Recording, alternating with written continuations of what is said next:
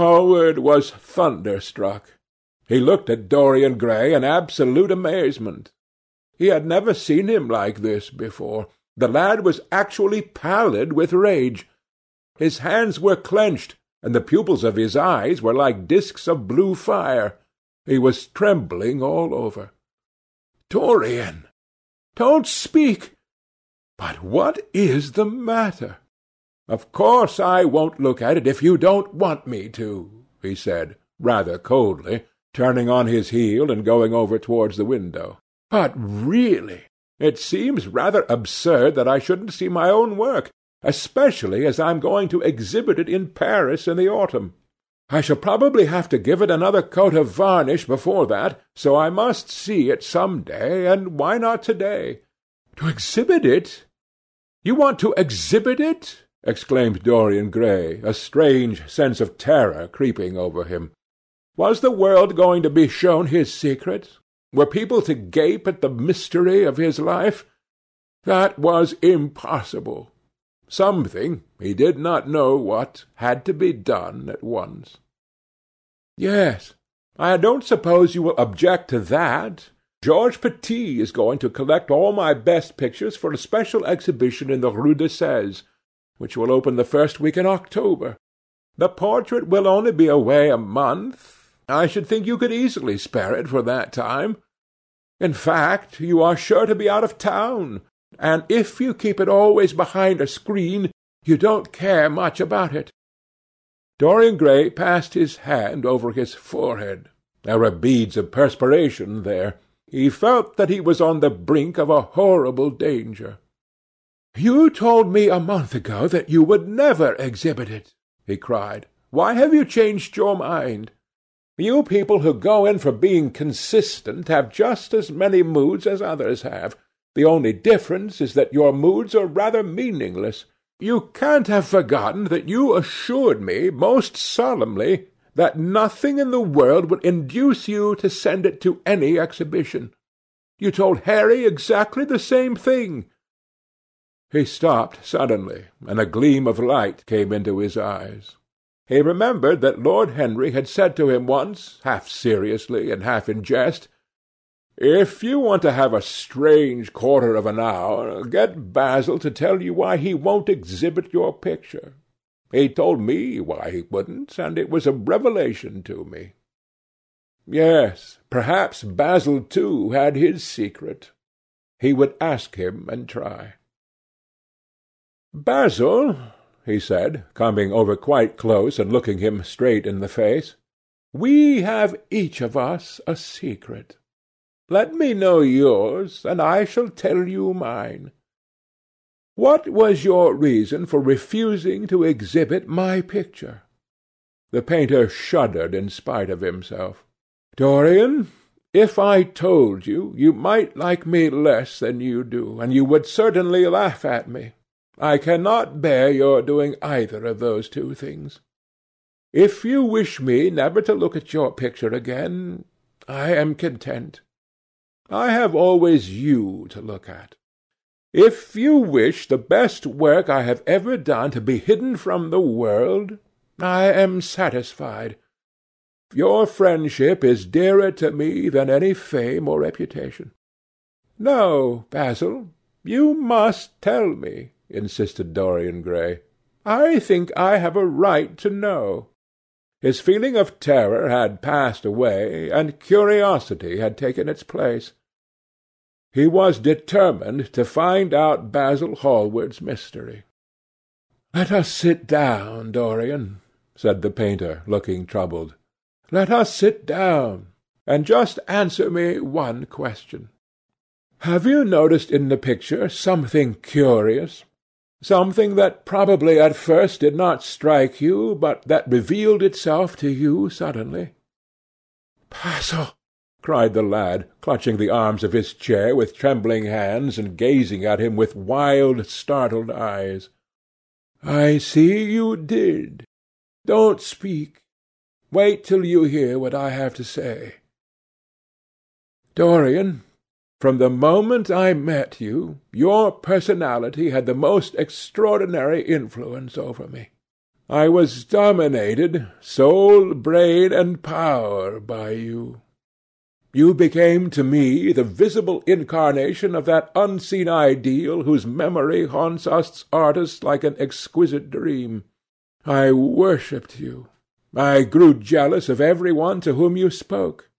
I wanted to have you all to myself. I was only happy when I was with you.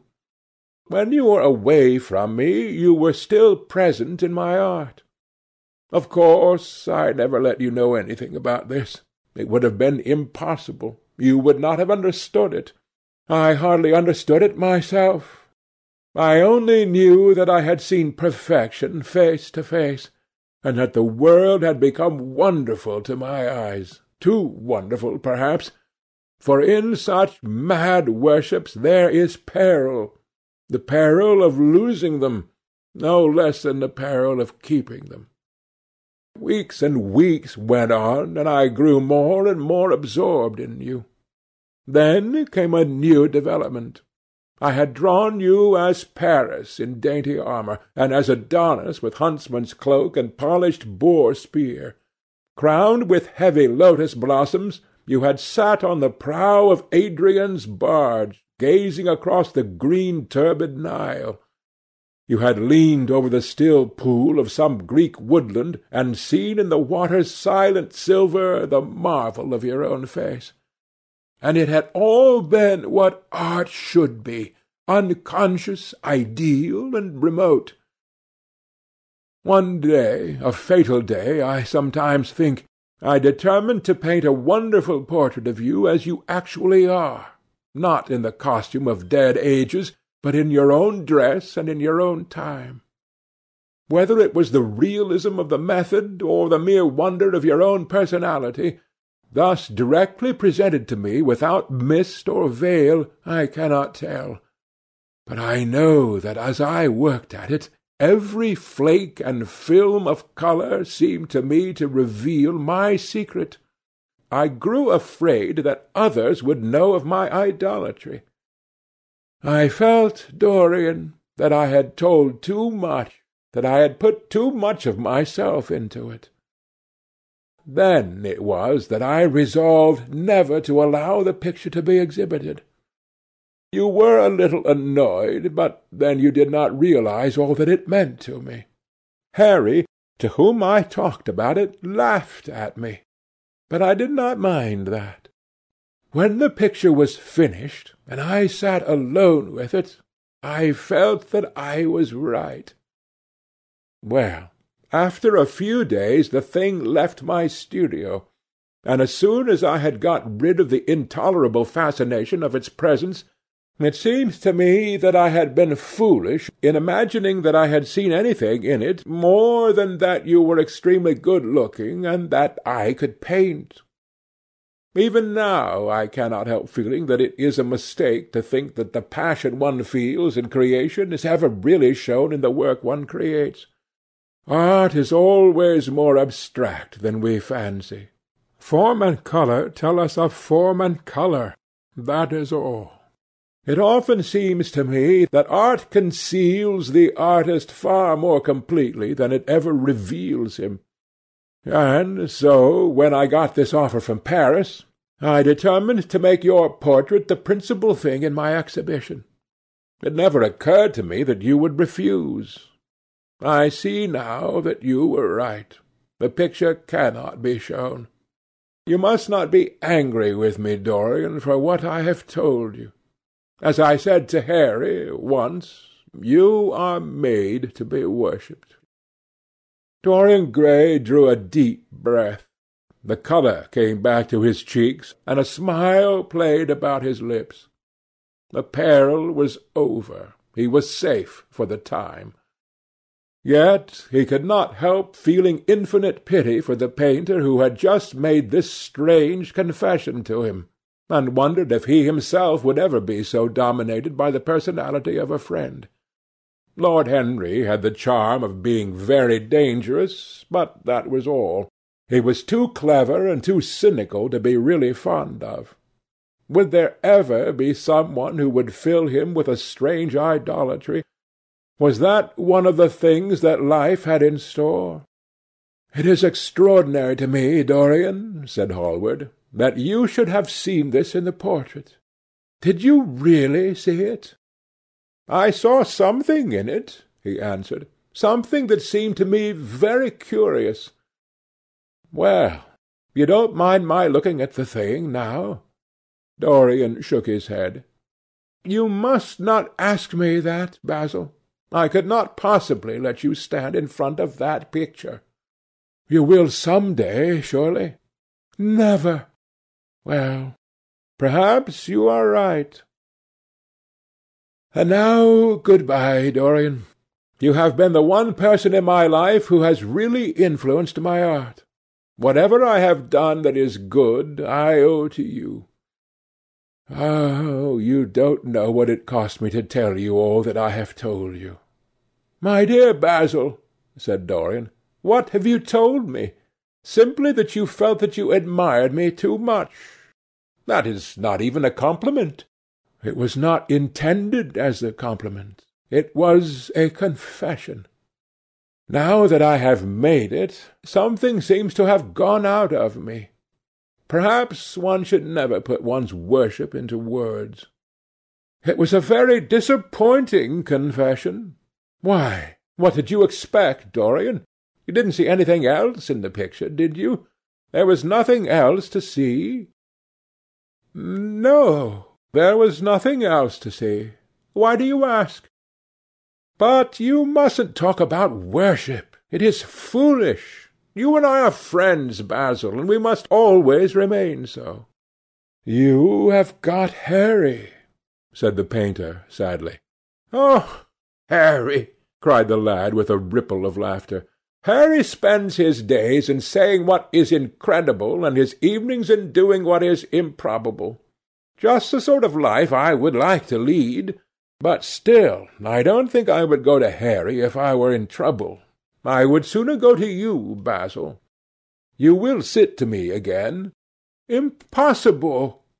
You spoil my life as an artist by refusing, Dorian. No man comes across two ideal things. Few come across one. I can't explain it to you, Basil, but I must never sit to you again. There is something fatal about a portrait. It has a life of its own, I will come and have tea with you. That will be just as pleasant." "Pleasanter for you, I am afraid," murmured Hallward regretfully. "And now good-bye. I am sorry you won't let me look at the picture once again, but that can't be helped. I quite understand what you feel about it." As he left the room, Dorian Gray smiled to himself. Poor Basil! How little he knew of the true reason, and how strange it was that, instead of having been forced to reveal his own secret, he had succeeded, almost by chance, in wresting a secret from his friend. How much that strange confession explained to him! The painter's absurd fits of jealousy, his wild devotion, his extravagant panegyrics, his curious reticences, he understood them all now, and he felt sorry. There seemed to him to be something tragic in a friendship so coloured by romance. He sighed and touched the bell. The portrait must be hidden away at all costs. He could not run such a risk of discovery again. It had been mad of him to have allowed the thing to remain, even for an hour, in a room to which any of his friends had access.